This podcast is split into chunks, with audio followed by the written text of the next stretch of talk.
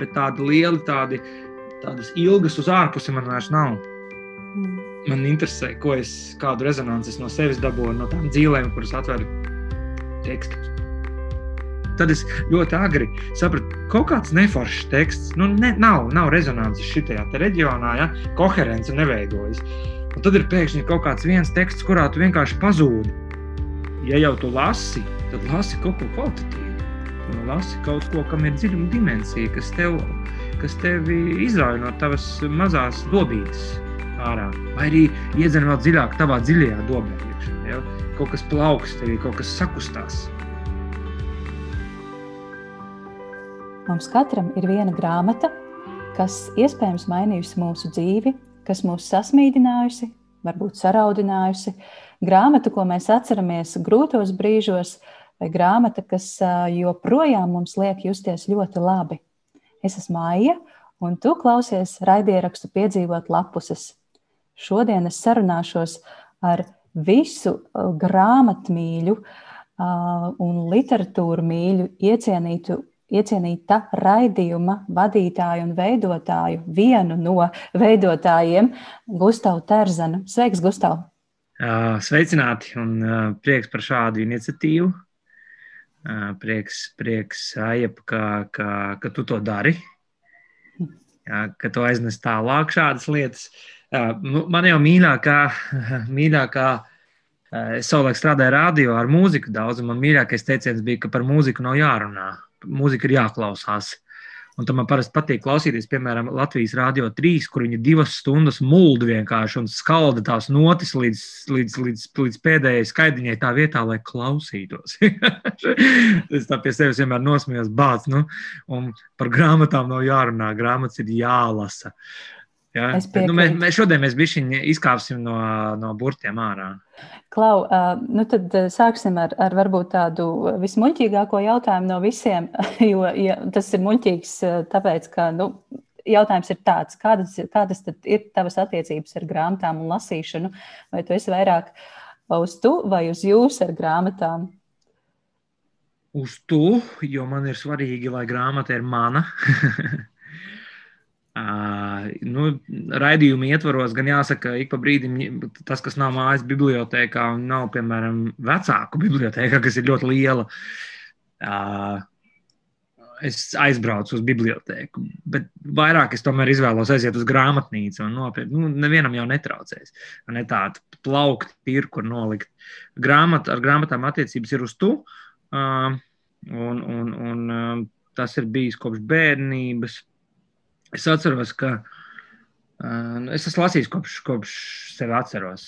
Jā, tur, tur visu bērnības literatūru, kā, kā Uģim Oltam patīk vienmēr uh, atzīmēt to vienu mūsu sarunu, kas teica, ka man visas bērnības grāmatas, ko es lasīju, tur Džanī Rodārijas īpaņu piedzīvojumi, un tur, tur Zenta Ērgle un Nikolai Nosa un Nezinīts uz mēnesi, un kas tik, tur vecais Hotābičs un, un visas lapas notraipītas ar upeņu zapti ir, jo man ļoti patīk paņemt baltmaizi svaigu trauciņu ar upeņu zaptiem, glāzi pienu un nolīst kaut kur, kur man neviens nevar atrast un lasīt. Un tad tā tur ir pa tām, pa tām lapusēm izsmērēta. Nu, un tā kā es 8. klasē, 8. klasē izlasīju nožēlojamos Viktoru Migo un cilvēks, kas smējas un Parīzes diamāts katedrāli uzrakstīja domrakstu vēl valodā, latviešu valodā, tad skolā, skolotāji bija uzrakstījis vecākiem, tā nav viela, ko mēs mācāmies, vai tā drīkst. un tajās grāmatās vairs nebija zapta uz lapām, tur jau bija asaras.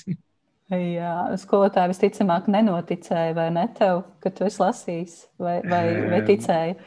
Jā, mums bija, es pat atceros, mums bija kaut kāds domas, un es biju kaut kā baigi pārvilcis vītni. Uh, Mums bija jāraksta, ja nemaldos, domāraksta nodevēja tēls eposā Lāčplēs vai kaut kas tam līdzīgs. Un man tas Lāčplēs, tas epos bija, nu tā es viņu izlasīju, ātri sapratu, ok, kaut kas izdomāts, nekāda sakara tam ar nekādām vēsturi, neko tur tādu baigo nav. Un aptuveni tajā pašā laikā, kad nožēlojumi ir rakstīts, nu, bija vēlāk. Es tā kaut kā ātri to savilku kopā, man tāda, tāda, tāda, tāda eksaltācija uz, uz to nacionāla patriotisko romantismu nekad nav bijusi. Jā, tur viņš ir diezgan ātri atkožams, jebkurā tautā, jebkurā nācijā, un viņam ir sava vieta. Tas pareizais stāsts ir vajadzīgs, bet nu, kā nu ir, tā nu ir. Un tad es sapratu, ka es tajā nodevēju tālāk, es valku paralēlus ar nožēlojumam ar Igonu, ar lielu tādu totālu darbu latviešu valodas skolotāju man sabāra. Tas nav par tēmu. es tik smējos toreiz, atceros. Man mm. likt atzīmi ielikt kārtējo reizi, bet nu, es, es jau biju pieredzis. Tā ir ar tām latviešu valodas skolotājām reizē, reizēm, vai ne? Ka viņas nesagaida to, ko viņas grib sagaidīt. Uh, tiklīdz vēl pastītas izkrīt. 8. klasē, Jā. savukārt ģimnāzijā, Ziemevalsts ģimnāzijā, es saņēmu svētību vienkārši no, no laika, no, no, no, no apstākļiem, rasmu kļaviņu. Jā, viņi uz mums noraugās no mākoņa maliņas. Vienkārši dāvana, nevis skolotāja. Ja? Literatūras un latviešu valodas skolotāja Rasmu Kļaviņa, viņa mūs spēja ievest. Nu, es atļaušos teikt, tur, kur mēs ar raidījumu cenšamies ievest, mēs, mēs, ir, ir obligātā literatūra, ja, tāpat kā obligātais kross pēc vasaras brīvlaika, ka tev durs ānā un ir balta mēle. Ja, tāpat ir ar jebko obligāti arī mācībās. Un Rasma Kļaviņa mācīja to pareizo masāžiņu Viņi iemācīja tur haikas, rakstīt tankas, un tad iemācīja to godkāri lasīt. Saprast, cik satur viens dzējolis, ja, vai, vai cik viena grāmata. Viņi nekad neko nespieda. Mēs, mēs mācījāmies Ziemeļvalsts gimnājā. Mums bija vesels Knuta Hamsuna projekts, piemēram, kur mēs tikām uz Norvēģiju. Ja? Un Hamsuns, nu labi, tur flirts ar nacismu un tā, nu, ko tu padarīsi tāds laiks, un ne, ne man viņu tur tagad tiesāt, ja, bet literatūra, ja, Briga trīs līnijas, piemēram, kolosāli. Jā, literatūra kā piedzīvojums, un, un to jūs. Man vienmēr.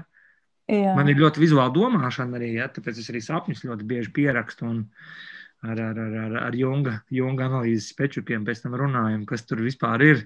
Man ļoti interesē introspekcija, ja, un literatūra ir tas mitopoētiskais instruments, ar kuru tu vari sav, sevi savā apziņas kartē atrast. Tas ir mm. man, man, es jau esmu vecs cilvēks. Ja? Man tas ir jau ļoti svarīgi, jo man tur ārpusē aizvien mazāk paliek, ko ja, bērni tur. Man galvenais, lai bērni veseli. Dēlam tagad kāja salauzt, ja man tagad jātaisa viņam pusdienas. Bet man svarīgi, lai tur viss ir kārtībā, tajā, tajā, tajā, nu, tajā atbildības areālā, bet tādi lieli, tādi, tādas ilgas uz ārpusi man vairs nav. Mm. Man interesē, ko es, kādu rezonanci no sevis dabūju no tām dzīvēm, kuras atver teksti. Jā, jā. Es noteikti pajautāšu mazliet vēlāk, bet, bet jā, kurš tad ir tas teksts, kas ir atvērts tavas dzīves? Es pirms tam gribēju uh, mazliet nocicēt, no, noticēt, uh, nocitēt. Nocitēt. nocitēt jā. Noticēt ar vajag. jā. jā. Tieši tā, tūlīt, tūlīt mēs par to parunāsim. Nocitēšu tevi, tevi pašu. Uh, tu žurnālam Santa intervijā teici tā. Es nevaru tā vienkārši paskriet garām dzēnieka vai rakstnieka iespējams mūža darbam, dziļākajam dvēseles kliedzienam, kuru viņš atļāvies uzlikt uz papīra. Tas ir par raidījumu literatūra, par to, kā tu strādā ar šiem tekstiem, ar šiem rakstniekiem. Un tajā es jūtu ne tikai lielu mīlestību pret, pret rakstītu tekstu, pret grāmatu, pret rakstnieku, bet arī ļoti, ļoti lielu cieņu. Uh, No kurienes tas ir veidojies? Tā ir šī te, uh, liter, literārā pieredze vidusskolā, varbūt jau kaut kad agrāk. Tā ir noteikti viena lieta. Jā, no, no sākuma mēs varam tekstu, un mēs to rakstnieku neredzam. Mēs to dzēnieku neredzam. Viņš parasti ir tā tāds pusdievs kaut kur tādā Igliņā, ja? nu, es tagad čiepi no uģoltas, uh, viņa mitopoetiskos izteiksmes paņēmienus. Mums ļoti saskan šajā ziņā. Bet um, Mani vecāki ir vistiešākajā mērā pie vainas šeit, jo bija laiks, kad Gustavam bija tur 5, 6 gadi, tie ir 80. gadu vidus, un kad visas aizliegtās, visi aizliegtie teksti tika lasīti virtuvē slepeni, ja, aizliegtajās ballītēs, un es tur zem galda turpat kaut kur biju. Un ļoti bieži šīs ballītes bija ar dzējniekiem, ar rakstniekiem. Un tēvs ir uh, publicists, jā, arī rakstnieks, un arī dzēju viņš ir rakstījis. Es zinu, ka mamma arī pakluso kaut ko ir rakstījusi. Jā, ne, nevis tikai žurnālistikā, bet arī kā, nu, beletristikā, liriskajā amplitūnā. Tik nav publicējusi pagaidām neko. un, um, lasīšanas un tā izteiksmes forma, vērošana, jeb kaut kādu domu sajūtu pārvēršana jeb ierobežošana vārdos, tas tik ļoti grūti īstenībā. Kad kādreiz tu tam savam dvēseles bezformīgajam, milzīgajam dziļumam pieskaries, un tad tu saproti, ka tas ir jāuzliek kaut kamā tik ierobežotā formā kā valoda. Jā, mēs, bet tāpat laikā valoda ir tas, kas vispār tur mūsu kaut kādā saiknē ar tiem mūsu, ar pirmo cilvēku, jā, vai ar pirmo, kurš vispār sāka runāt. Un tur tik daudz tādas, tādas paradoxālas lietas par to ir. Un es vienmēr esmu, es esmu, es esmu maniem, vienmēr skaties uz to grāmatu, un liekas, ārprāts, tur ir. Tas ir, tur ir galaktikas vienkārši. Man liekas, man, es esmu tā, tā, tā kā tāda kosmosa kartes, to grāmatu lauku vienmēr skatījos. Man ir citreiz pie vecās mammas, pie mammas, mammas kas nu, jau sen arī taisaulē, bet arī vecā mamma mēs kopā lasījām riekskodi, piemēram. Ja? Un kādreiz es atceros, ka kādreiz jau varēja dabūt tikai to, ko pārdeva, nevis to, ko gribās. Ja? Un tad lasīja visādu, nu, visādas sēneles arī pa vidu. Tad es ļoti agri sapratu, kaut kāds neforšs teksts, nu, ne, nav, nav rezonances šitajā reģionā, ja? koherence neveidojas. Un tad ir pēkšņi kaut kāds viens teksts, kurā tu vienkārši pazūdi. Tu kā vienkārši pazūdi. Vecajai mājās bija Cervantes un Dons Kihots. Es viņu bērnībā mēģināju lasīt, man priekš kam. Es mēģināju, viņai bija vecajā drukā bībele arī no viņas mammas, apakos to es arī mēģināju lasīt, un arī netiku nekur tālu. Bet tā bija Žils Vārns. Oh, tā, tā, bija, tā bija vesela ēra manā dzīvē. Mm, jā, arī, arī, arī ap 7, 8 klasi. 9. klasē, protams, ar pirmajām cigaretēm un, un, un lētajiem aliņiem. Viss remarks aizgāja rūgdams vienkārši. Jā, Hemingvejs mūsdienās vairs palasīt nevaru. Mēs ar mammu vienojāmies, jā, ka es, tas, nu, Hemingvejs ir fāze. Fā, e, e, es, es subjektīvi spēju, es negribu nevienu aizvainot. Es ticu, ka cilvēkiem ir ļoti nu, patīk atgriezties pie kaut kā. Un tad ir tāds paradoks, piemēram, ja mamma smējās. Zini, kad es sāku Dostojevsku lasīt? No. Pagājušajā gadā. 38 gadu vecumā es sāku lasīt Dostojevsku. Es domāju, labi, vien ir savādāk. Es būtu tikai detektīvu izlasījis. Mm -hmm. Es neko no tās cilvēku psiholoģiskās tumsas, ko. Un es tajā laikā biju arī ļoti jungā iegrimis, lasīju jungu, ļoti daudz pat varētu teikt, ka studēju tā, nu, pašrocīgi, brīvprātīgi. Un Dostojevskis ļoti labi liekas pa virsmu. Nu, ja Junkas tur iet tajā, nu, tā kā, nu, tā kā ar, ar skalpeli dvēselē, tad, tad, tad Dostojevskis pa virsmu ar liriku tā iesmērē to visu. Tā pareizi. Glāzuma um, uzliek. Nu, jā, un tā mīlestība, jo es atceros, ka tēvs kaut kad teica, tev ir tagad tas vecums dēls, ka tev grāmatas ir jāēd.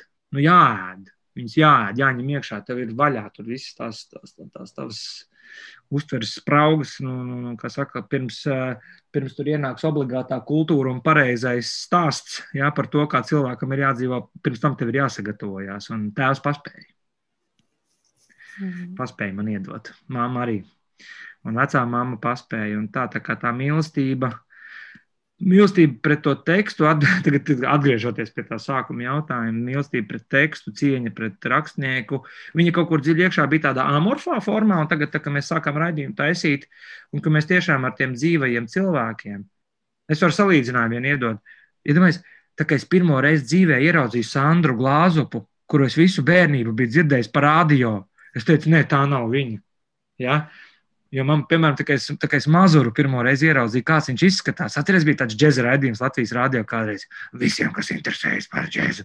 Es viņu, man vienalga, ko viņš tur runāja bērnībā, bet vienkārši man patika, kā viņš runā, kā tas skan. Un tad, kad es viņu ieraudzīju dzīvē, es saku, nē, tas neesi tu. Ja? Tad, kad es ieraudzīju, nu, pēc tam savā dzīvē draugu, kad es Eduardu Šānu ieraudzīju pirmo reizi mūžā. Tā balss zemē, un tas mazais cilvēks, viņš tur, ja, man liekas, nu, nē, tā nav disonance.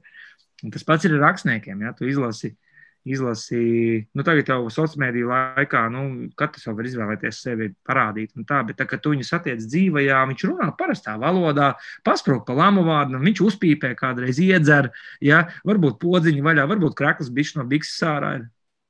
Lai ir!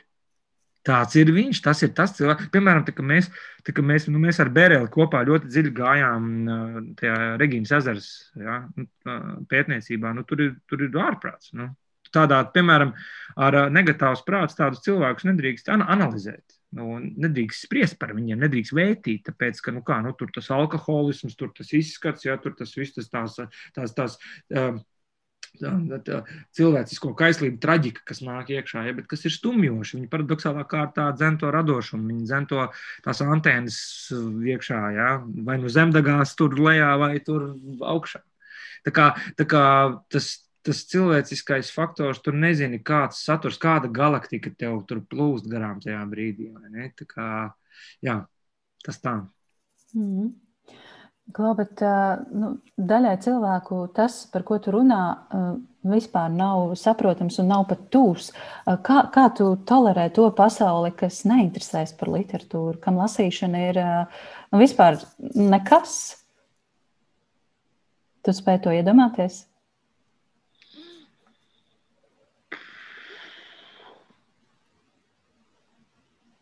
Nu, jā, nu ko mēs saucam par lasīšanu. Ja tas, ka tu pazīsti burtus, ja, vai apdrukā papīru no vāka līdz vākam, tevi nepadara par rakstnieku, un tas, ka tu kaut ko tādu izlasi, nepadara tevi par lasītāju. Ne?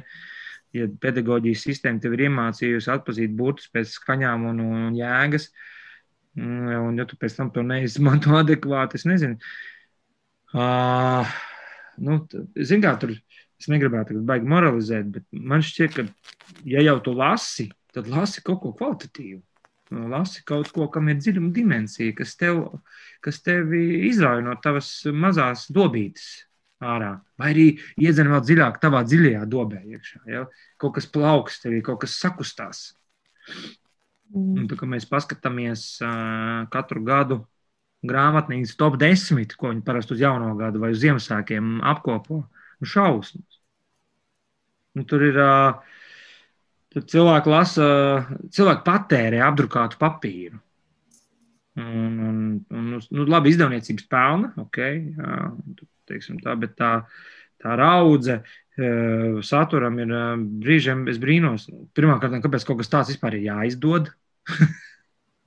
nu, es saprotu, nu, komercija, bet, nu, labi.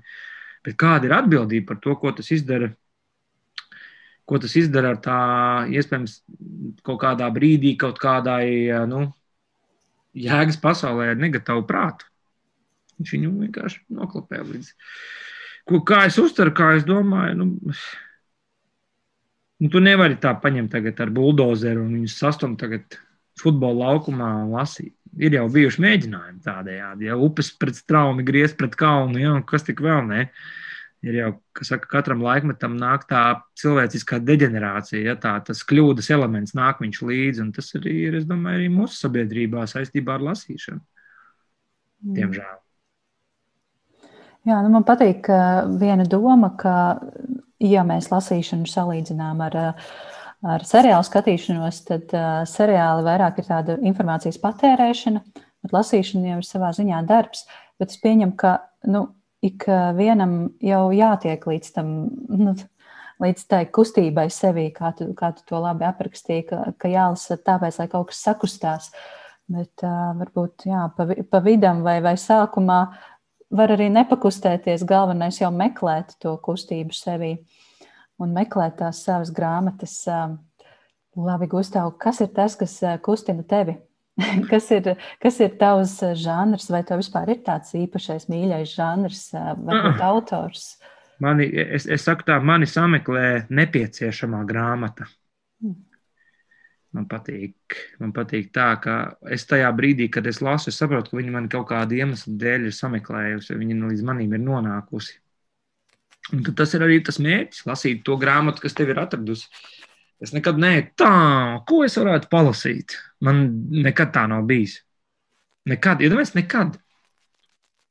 Man vienmēr ir grāmata, kur ir kaut kādā veidā, kaut kādā saiknē ar kaut kādiem pinekļiem tikusi līdz manim. Un es viņu lasu, jo tas ir mērķis tajā brīdī. Tas ir tas viss, tas, tās, tā brīža zen, ja, šī grāmata.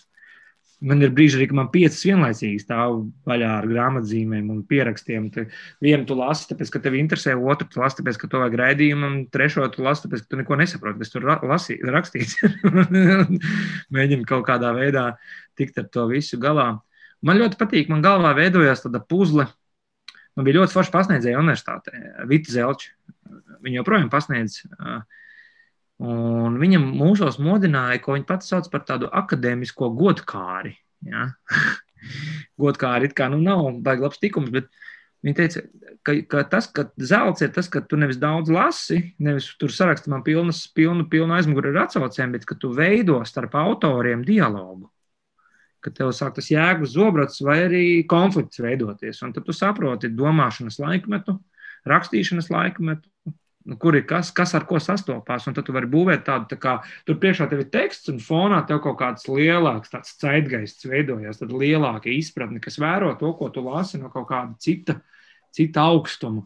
Un tur tu iemācies kaut kādā veidā patstāvīgi domāt un nekautrēties, piemēram, par to, ka tu kaut kur savos domu klejojumos vari izdomāt to pašu, ko Nīče vai, vai, vai kāds cits. Ja? Nekaut, protams, nevajag uzreiz lekt uz kalna galā, e, es to izdomāju, ne, tu to neizdomāji, bet tas, ka tu spēj aizrakties savā domāšanas procesā kaut kur līdz tam tādas pašas konsekvences savilkt kopā, man liekas, ka forši. Ka tā, tā drīkst sev to ļaut lasot. Protams, ka nu, tur psihiski šķautne, kur grib identificēties ar, ar novatoru domāšanā, arī ir pie vainas. Bet, nu, tāpēc saka, nevajag uzreiz no, no kalna gala bļaut, ka tu kaut ko jaunu izdomāji. Sev, sev to var atzīt. Nevajag sev to aizliegt. Nu, un, kā ir ar to vienu īpašo grāmatu? Jo nu, parasti visbiežāk cilvēki uz šo jautājumu atbild ar diezgan lielām mokām un, un, un mēģina atgaiņāties no tās atbildes. Kaut, kaut kā mums tomēr jātiek līdz tai vienai īpašajai grāmatai tavā dzīvē. Kas tā ir? Marķers Zariņš, viltotais Fausts, jeb pārlapota un papildināta pavāra grāmata. Yes! Nu, brīnišķīgi stāstīja, kā, kāpēc, kur, kas. Tā, laiks aptuveni. Kas tagad sanāk? Pirms 15 gadiem. Tad es apskatīšos precīzi. Te kaut kur bija ieraksts, jā. Mm. Ā, nē, te 2003. Ā.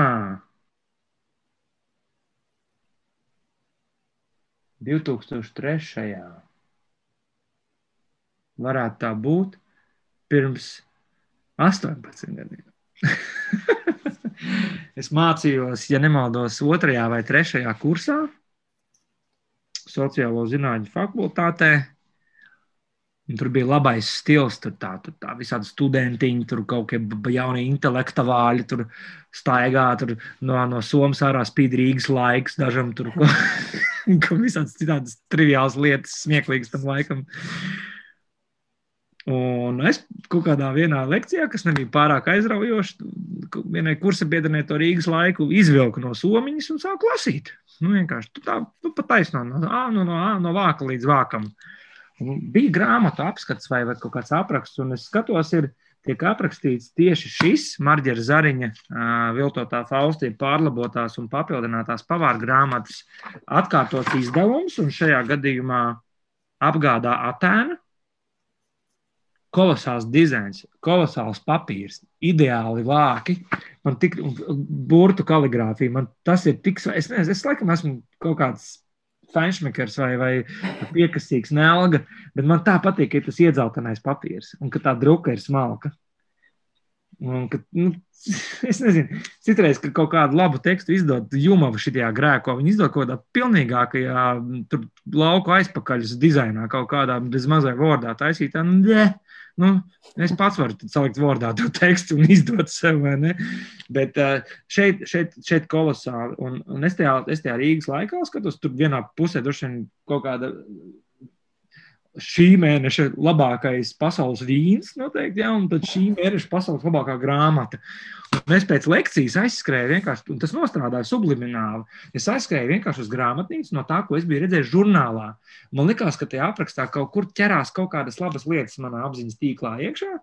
Es aizgāju, es viņu nopirku, un tajā pašā vakarā sāku, pret rītu es viņu biju izlasījis. Es biju pārsmējies, es biju arī noraudājies, es biju ticis kaut kādā tādā dziļumā, jo tā valodas piruešu gūzma, ar kā, bet jēdzīgā, ja nevis pašmērķīgā. Tātad, ja Marģers Zariņš, viņš taisīs pirueti tikai tad, tad tam būs visdziļākā jēga un mirklis to darīt.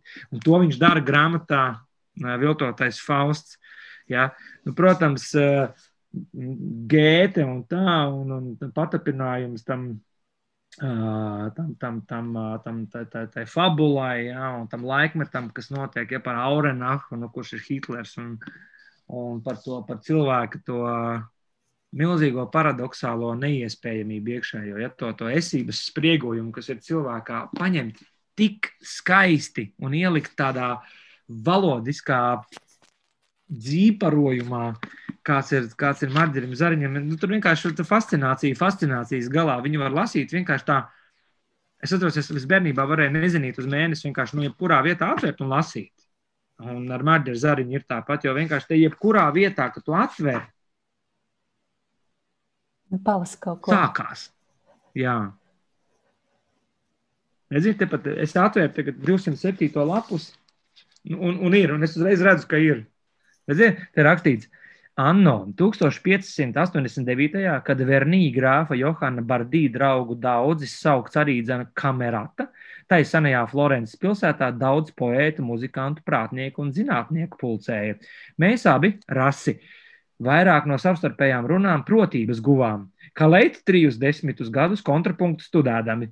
Mums radās ģisme, ka līdzšinējās ievešas pie dziedāšanas novārtā atstāt vārdu izrunu un jēgu, neveltot poēzijai nekādu uzmanību, ir nepareizas.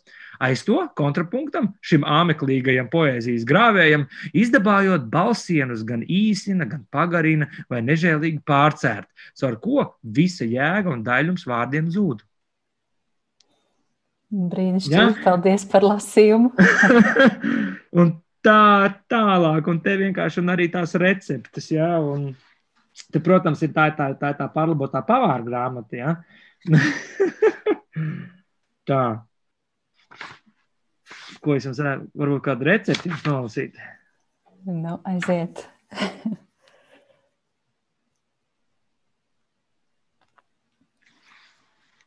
Tad bija arī, nu, pat, tad, tad, pat, nu, Nā, nu, ne, te, nu, te ir klasisks marģeris zariņš. Ja?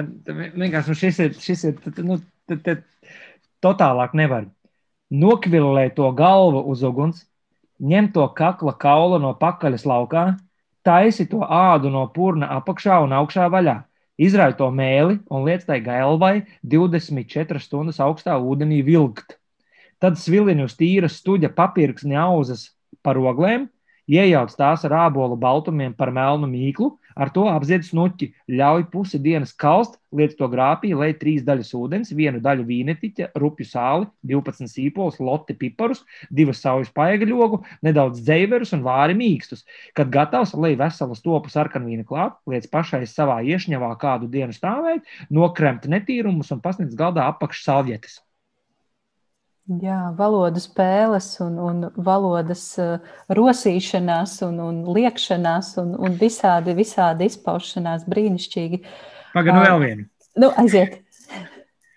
Ņem un noģirnī 20 cīruļus Izjem tās ķidas, bet prātīgi un ar ziņu, lai taukus neizrauj līdzi. Var arī tās galvas nogriezt un piemest klāt. Tad liec šķīvenī ar kantiski sagrieztiem āboliem un korintēm. Pieliec sikadi, cukuru un brūnos miltus berklāt.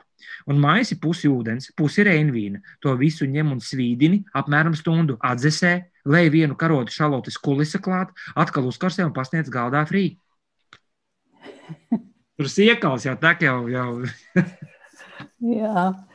Um, tu teici, ka grāmatai kaut kas tevī ir jāsakustina. Ko tevī sakustina Marģers Zariņš ar savu viltoto Faustu? Um, um, Marģeris Zariņš ir um, man šķiet tāds uh, lielais redzētājs. Ja? Un, uh, man kaut kur kā, es ar viņu saskatu, zinām, dvēseles radniecību, jo Viņš mācīja dikti skarbam laikam, tā skaisti izvalcēt cauri. Viņš ir daudz pārmetums par to dabūjis, par, par lišķēšanu, konjunktūrai un nomenklatūrai, un, un kam, kam tik tur vēl ne, bet tas ir jāmāk. Ja? Nodzīvot tik spožu mūžu, 83 gadus. Ja? Un cauri, cauri abām, abām totalitārās varas sistēmām, ja, un vienā vienkārši izdzīvot, vienā vienkārši būt un sagaidīt brīvu Latviju atkal. Nu, neatkarīgu, teiksim tā. Ja. Ne, nezinu, vai brīvu, neatkarīgu. Uh, Un ar maģeri zariņu ir tāds, tāds, tāds, tāds um, svešvārdā trikstera arhetips. Trikstera arhetips ja? um, viņš vairāk, teiksim tā, rūpīgi izvēloties latviešu valodas vārdus galma āksts, ja? Un tas varbūt, nevajadzīgu konotāciju mēs piešķiram vārdam āksts, kas ir tāds, tāds izķēmojums, jo galma ākstam bija cita cits uzdevums. Jā, Patiesības teicējs. Jā, viņam ir cits uzdevums. Viņam ir uzdevums parādīt to, ka karalis ir kails tādā veidā, ka karalis ne tikai nedusmojas, bet, bet aplaudē un smējas, jā, es esmu kails. Un uh, Marģerim Zariņam šī trikstera spēja ir uh, ģeometriski eksponenciāli lielāka nekā jebkuram citam. Ja? Un to viņš māk valodā ielikt. Un to viņš māk lirikā ielikt. Un, un es abrīnoju šo spēju, jo tā lasīt dzīvi, kā viņš uh, abrīnojami.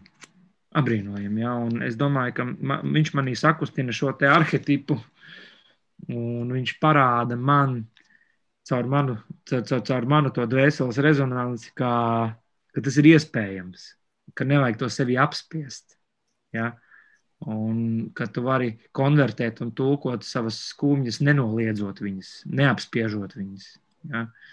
Ja, kā, kā apspiežot bēdas, tu tās divkāršo. Ja, un tu atrodi veidu un kanālu, kā tu spēj izprocesēt. Tas, es domāju, arī psiho, zināmā mērā, terapeitisks process viņam ir. Es pieņemu, ir bijis. Ja, jo dzīvot padomju savienībā un radīt kaut ko tādu, ja, mm.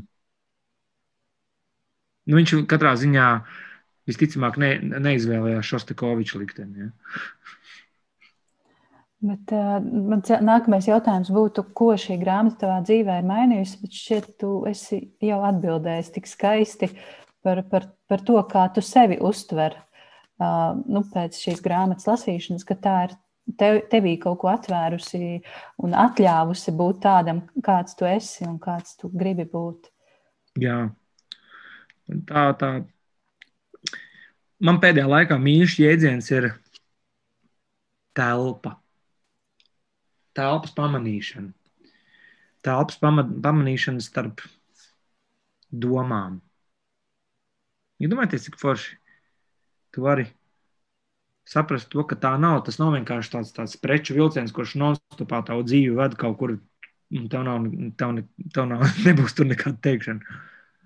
Starp telpas starp cilvēkiem telpas, telpas starp darbiem, telpas starp vārdiem. Visur ir telpa. Ir tāda teorija, ja no cilvēka, ja starp cilvēka atomiem izņemtu telpu, mēs būtu tā kā cukurgraudiņš. Tik maziņi mēs būtu īstenībā. Ja? Un tad ir cilvēki ar ļoti lielu iekšējo telpu, un tad ir cilvēki, kuros nekas nevar iesprāgties nu, nekas viņos netiek iekšā. Ja?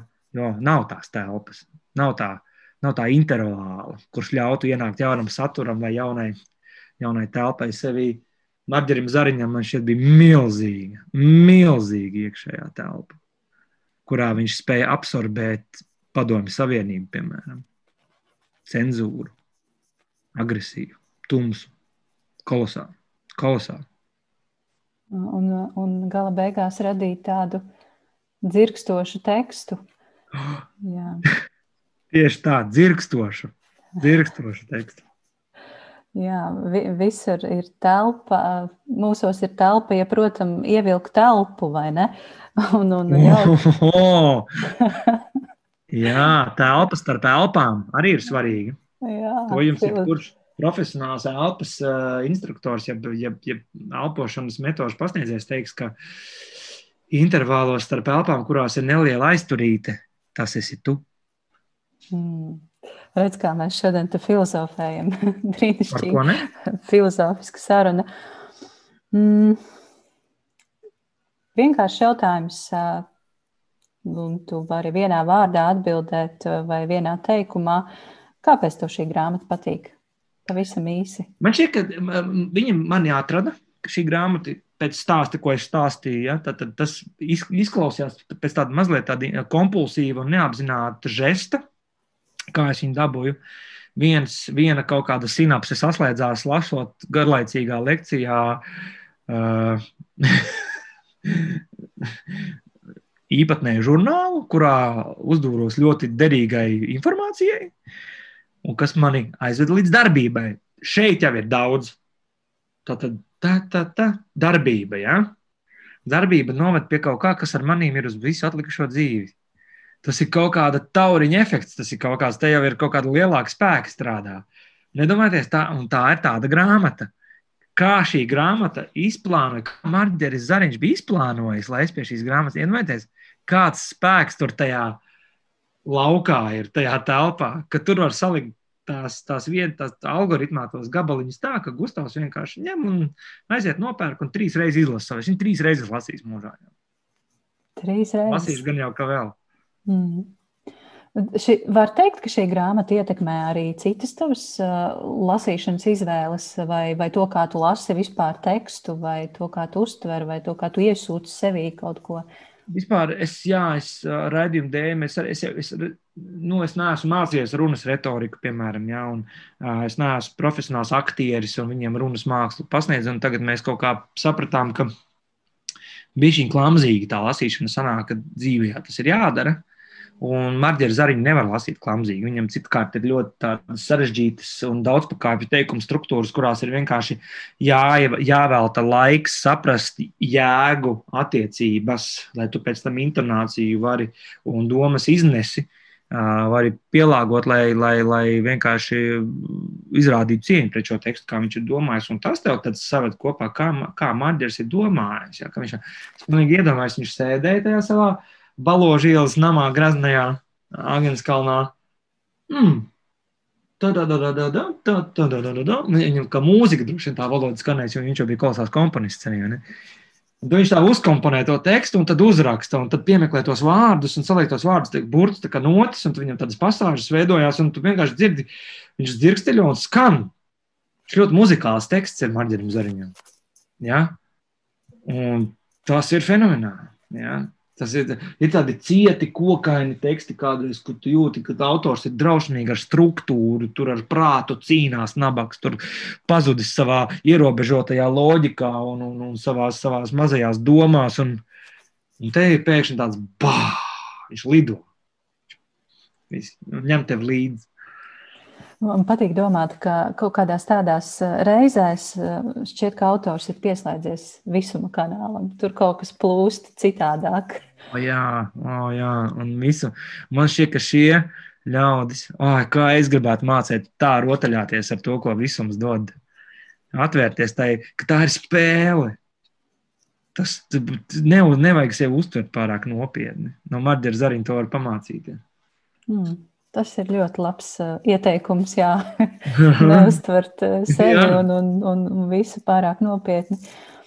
Klau, um, es uh, kopā ar raidījumu, raidieraksta viesiem, šis nav raidījums, šis ir podkāsts raidieraksts, uh, veidoju zelta grāmatu sarakstu, kurā katrs viesis tad var ieteikt vienu, nu, divas, varbūt trīs zelta saraksta cienīgas grāmatas. Vai Marģers Zariņš būs tas, ko tu atstāsi šajā sarakstā? Noteikti. Simt punkti. Mm -hmm. Vēl varbūt kaut kas īpašs. No pašmāju autoriem? Vienalga. Mm, mm, mm, mm. Bet var palikt arī viens. Nu, nu, es noteikti tad brāļus Karamāzovs lieku Dostojevski. Nu, nu, pff, Jā, Gustav, liels tev paldies par, par pirmkārt tā, tavām domām un, un tavām idejām un to, kā tu vispār runā un, un, un, un prātot ļoti vērtīgi. Un es ceru, ka arī klausītājiem šī saruna paliks labā atmiņā un, un, un kā tāds skaists nospiedums viņu ikdienā. Um, vai ir kaut kas, ko tu vēl vēlēsies pateikt par grāmatām, lasīšanu, par marģeru zariņu? Mm. Pirmkārt, mīļš, paldies par iespēju. Tas ir ļoti labs darbs, ko tu dari. Es vēlreiz saku. Un, un varbūt ik pa brīdim tādam labam impulsam vajag mazliet parunāt par lasīšanu. Mazliet paņemt attēlu no pašas lasīšanas un bišķiņu parunāt par to lasīšanu. Es ļoti ceru, ka tavi klausītāji un skatītāji, kā noprotu, arī, arī tikai klausītāji, ja? Aha. Mm, klausoties, spēju uzbūrt garā acīm tos grāmatu plauktus un, un, un tās, tās pareizās lapuses, kurās viņi grib nonākt. Un, un lasiet, jo um, grāmata dod to, es, tā nav mana doma, bet tā grāmata tev dod iespēju aizceļot un nokļūt tur, uh, kur tu vēlējies tajā brīdī, kad tev jāpaliek uz vietas. Un tā kā mums ir dikti jāpaliek uz vietas, tagad es pieņemu, ka grāmatas ir tie portāli, caur kuriem mēs varam nonākt tik kolosālās pasaulēs un, un tik kolosālos lidojumos, kā nu, neviena, neviens pulverīts to nevar izdarīt. Nu, skaisti. Paldies tev par šo domu graudu arī noteikti. Un paldies par labu vēlējumiem. Un paldies par šo sarunu. Ļoti skaisto. Veiksmīgi. Paldies un tā. Atā. Tas šodien arī viss. Paldies, ka noklausījies! Ja tev patika un likās noderīga šī saruna, noteikti uzraksti savas pārdomas Facebook vai Instagram, vai varbūt uzraksti man e-pastu uz piedzīvot atgmail.com. Vēlēs atbalstīt podkāstu tapšanu? Dodies uz www.patreon.com šķērsvītri piedzīvot un kļūsti par podkāsta mīļāko atbalstītāju, jeb patronu. Paldies un uz tikšanos nākamreiz!